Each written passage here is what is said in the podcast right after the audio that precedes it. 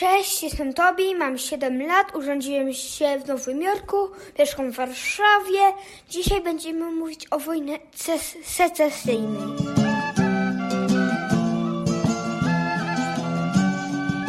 Witam Was w 89. odcinku podcastu Historia według dzieci.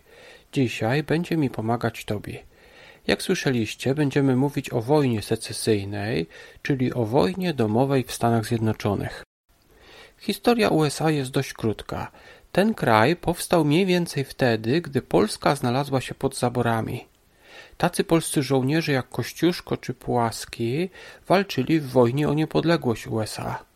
To się działo w XVIII wieku. Stany Zjednoczone ogłosiły niepodległość w 1776 roku, a pierwszy rozbiór Polski to 1772. Tak więc można powiedzieć, że Stany Zjednoczone powstały cztery lata po pierwszym rozbiorze Polski. My jednak powiemy o czymś, co się wydarzyło dużo później.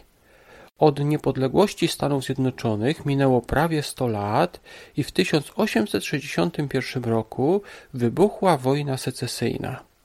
W tej wojnie o niepodległość, tej wcześniejszej, tej na początku Stanów Zjednoczonych, w tej wojnie o niepodległość USA brali udział Kościuszko i Pułaski. A w tej wojnie, która wybuchła prawie 100 lat później, brał udział inny sławny Polak, Włodzimierz Krzyżanowski. Włodzimierz Krzyżanowski urodził się zaborzem pruskim, inaczej to zabor niemiecki. Krzyżanowski urodził się w 1824 roku podczas zaborów. Urodził się w Wielkopolsce, czyli w zaborze pruskim. Czy rodzina Krzyżanowskiego poddała się i zgodziła się na to, że już nie ma Polski? Włodzimierz Krzyżanowski, jego tata walczył z boku Napoleona, jego brat walczył z powstaniem listopadowym, a sam Włodzimierz walczył z powstaniem wielkopolskim.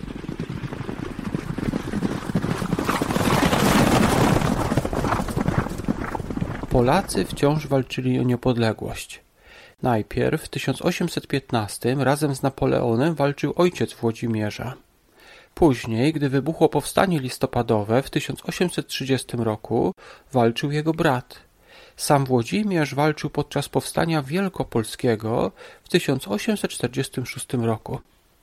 Tak więc można powiedzieć, że co 15 lat była jakaś wojna bo 1815, kiedy walczył jego ojciec wraz z Napoleonem, jak do 1815 dodacie 15 lat, to wyjdzie 1830, kiedy wybuchło powstanie listopadowe i walczył brat Włodzimierza. To powstanie skończyło się rok później, czyli w 1831. Jak do 1831 roku dodacie 15 lat, to wyjdzie 1846. I wtedy wybuchło powstanie wielkopolskie. Niestety każda z tych walk zakończyła się niepowodzeniem. Upadło też to powstanie wielkopolskie z 1846 roku, to w którym brał udział Włodzimierz Krzyżanowski.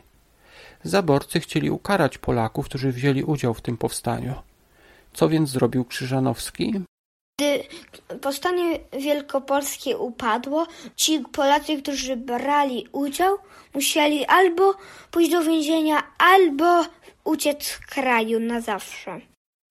Wielu, jak tak jak Krzyżanowski, uciekło do Stanów. Tak jak wcześniej Pułaski, walczył najpierw w Polsce, ale po przegranej musiał uchodzić za granicę.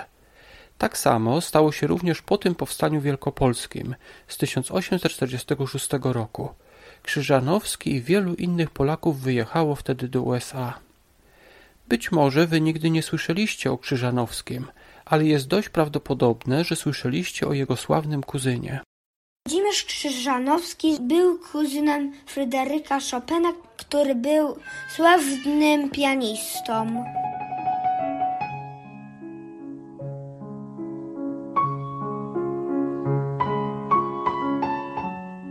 Kiedyś będziemy także nagrywać odcinek o Chopinie, najsłynniejszym polskim pianiście. Dzisiaj jednak skupimy się na jego kuzynie, Włodzimierzu Krzyżanowskim. Co najpierw musiał zrobić Krzyżanowski po przybyciu do USA? Jak Krzyżanowski dotarł do Stanów, najpierw musiał się nauczyć angielskiego. Potem został inżynierem i budował kolej. poznał generała Barneta i ożenił się z jego córką. Przenieśli się do, gdy się przenieśli do Waszyngtonu, Krzyżanowski założył swoją własną firmę.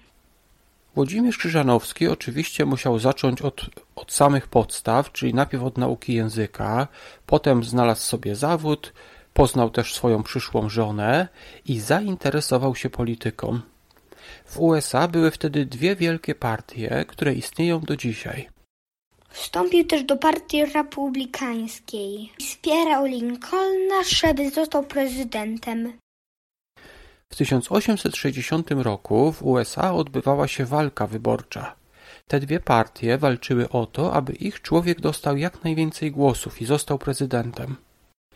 Niestety ta walka o głosy przerodziła się później w prawdziwą walkę. Dlaczego? Abraham Lincoln został prezydentem Stanów Zjednoczonych. Głosowali z niego ludzie z północy, którzy nie chcieli już mieć niewolnictwa, a południe było przeciwko nim. To byli demokraci. Oni chcieli mieć niewolnictwo. Jak oni już przegrali, to chcieli się odłączyć od Stanów, a, a chcieli mieć swoje własne państwo, gdzie będzie niewolnictwo. Wybory w USA w 1860 roku wygrała Partia Republikańska i prezydentem w kolejnym w 1861 roku został Abraham Lincoln. Wszyscy wiedzieli, że ten prezydent nie lubi niewolnictwa. On chciał znieść niewolnictwo.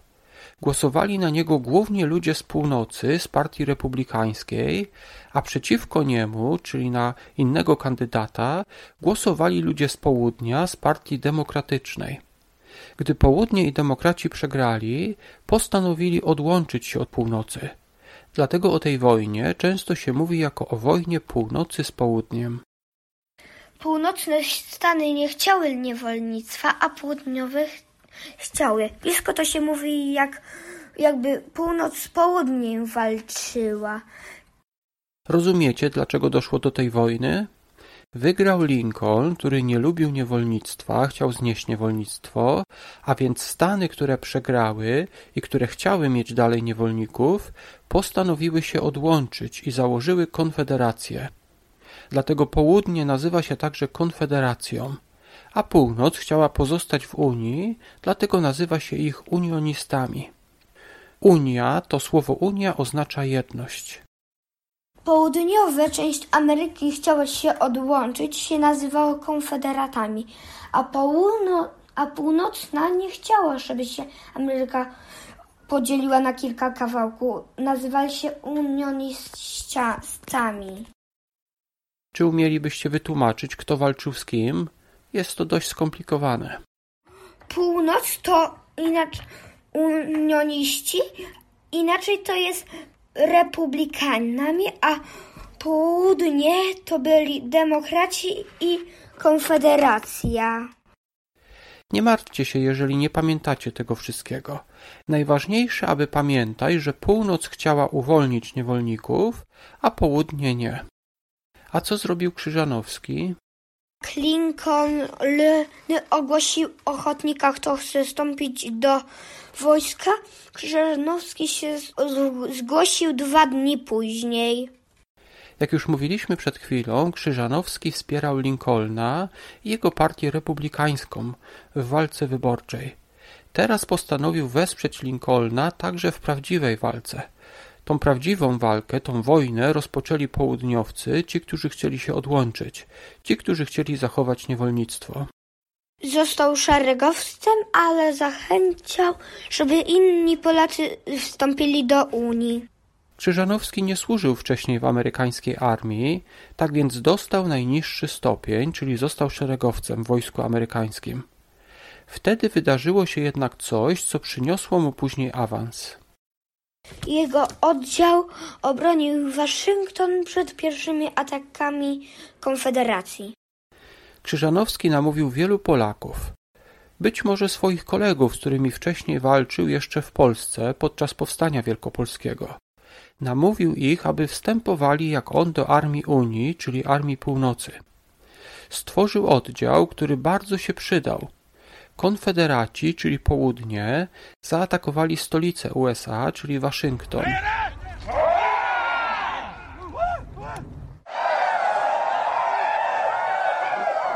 Właśnie Krzyżanowski i jego oddział obronił stolicę USA, obronił stolicę Stanów Zjednoczonych, obronił Waszyngton. Z tego powodu został kapitanem, a potem majorem. Ale jak się nazywał ten oddział Krzyżanowskiego? W skrócie mu się, go się nazywa Legionem Polskim. Oddział Krzyżanowskiego oficjalnie nazywał się 58 Ochotniczy Pułk Piechoty Nowego Jorku, ale wszyscy mówili na niego Legion Polski.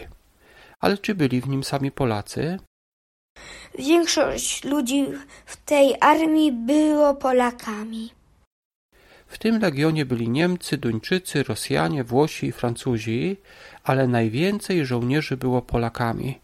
Dlatego właśnie ten 58 Ochotniczy Pułk Piechoty Nowego Jorku nazywano krótko Legionem Polskim. Oprócz tego tym pułkiem dowodził Polak, kapitan Krzyżanowski. Został awansowany z szeregowca od razu na kapitana, bo zorganizował ten oddział i obronił stolicę. Krzyżanowski brał udział w wielu bitwach w czasie wojny secesyjnej. Można by wymienić choćby takie bitwy jak bitwa pod Bull Run czy bitwa pod Fredericksburgiem. Ale jak długo trwała ta wojna i jaka bitwa była najważniejsza? Wojna secesyjna trwała pięć lat. Najważniejszą bitwą była bitwa pod Gettysburgiem. Trwała trzy dni. Wojna secesyjna trwała pięć lat. Wybuchła w 1861 roku, a skończyła się w 1865. Najważniejsza bitwa, czyli bitwa pod Gettysburgiem, rozegrała się w połowie wojny, czyli w 1863 roku.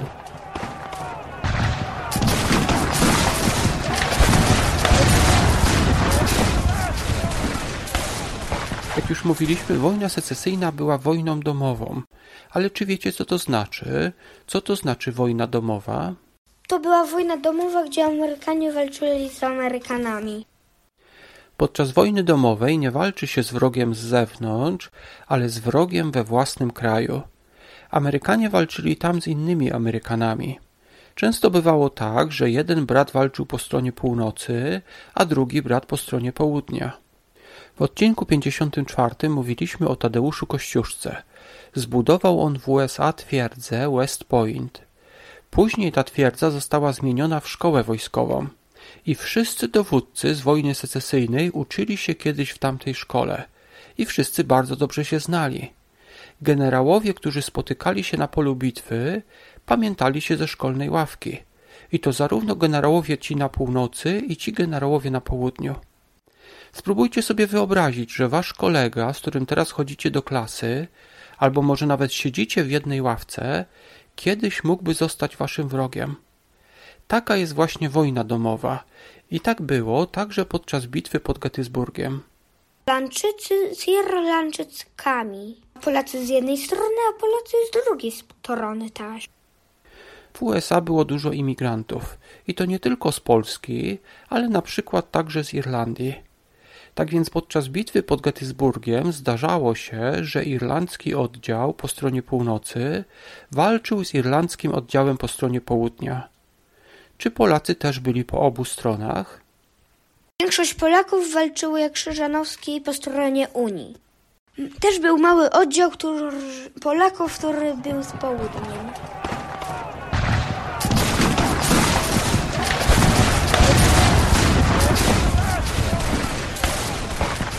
Czasie bitwy pod Gettysburgiem Krzyżanowski bronił wzgórza, które po angielsku nazywa się Cemetery Hill. Można to przetłumaczyć jako wzgórze cmentarne, bo tam znajdował się taki malutki cmentarz. Było to najważniejsze miejsce na polu bitwy, a to z trzech powodów. Po pierwsze, było to nagie wzgórze, nagie, czyli takie, na którym nie rosły żadne drzewa i dzięki temu było z niego widać całą okolicę i można było na nim ustawić armaty, aby strzelać we wszystkich kierunkach. Po drugie, ze wzgórza prowadziła droga do stolicy, do Waszyngtonu. Oraz po trzecie, inna droga ze wzgórza prowadziła do magazynów Unii. Dzięki temu, że wzgórze zajęła Unia, czyli żołnierze z północy, to mogli wszystko widzieć, mogli strzelać we wszystkich kierunkach. Bronili też dróg, jednej do stolicy, a drugiej do magazynów. Gdyby konfederaci, czyli południe, zdobyli tę górę, to oni mogliby ostrzeliwać żołnierzy Unii. Oni mogliby też pójść zająć stolicę, czyli Waszyngton. Konfederaci na wzgórzu przeszkadzaliby też w transporcie jedzenia i amunicji z magazynów północy. Tego wzgórza broniło 17 tysięcy żołnierzy Unii, między innymi Krzyżanowski i jego polski legion, ale zaatakowało ich 27 tysięcy żołnierzy południa. Pierwszego dnia konfederaci zdobyli nawet fragment wzgórza. Krzyżanowski został wtedy ranny, ale pomimo tego, pomimo tych ran, na drugi dzień odbił wzgórze i bronił go przez cały czas bitwy, czyli przez całe trzy dni. Oczywiście nie jest jedyna bitwa, w której brał udział Krzyżanowski i jego polski legion podczas tych pięciu lat wojny secesyjnej. Walczyli oni w wielu bitwach. Niestety nie wszyscy docenili to, co zrobił Krzyżanowski.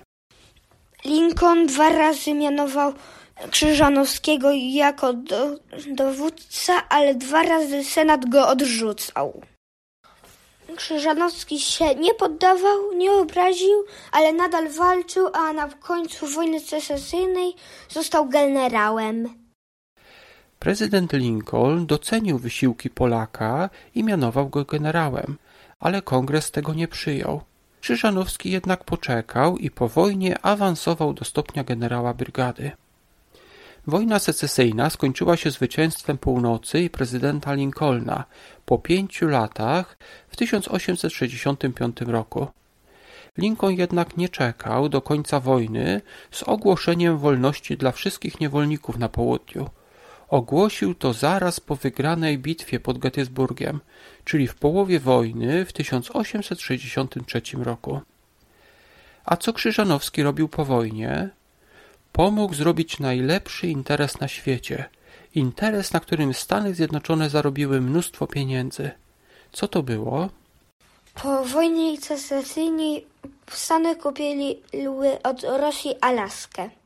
Żanowski był podczas umowy sprzedaży Alaski z Alaski do Ameryki.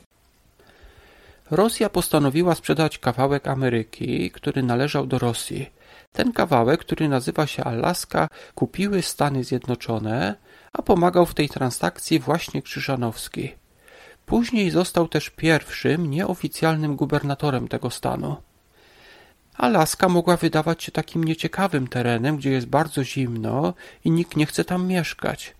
Ale później odkryto tam mnóstwo złota i od razu pojechało tam wielu, wielu ludzi.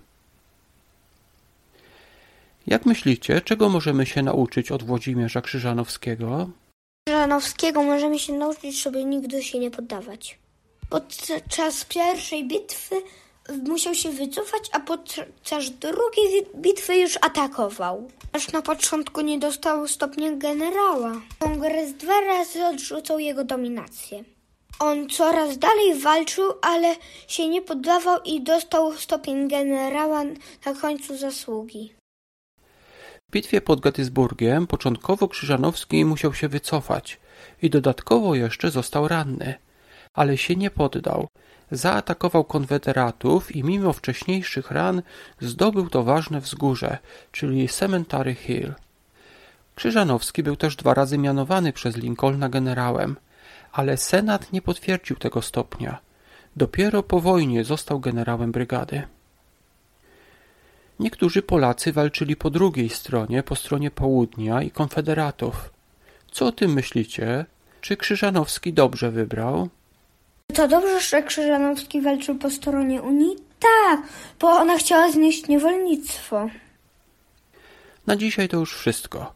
Chciałbym bardzo podziękować Tobiemu oraz jego tacie. Dziękujemy Wam za wysłuchanie i do usłyszenia w następnym odcinku. In 1863, hurrah, hurrah, old the end of slavery.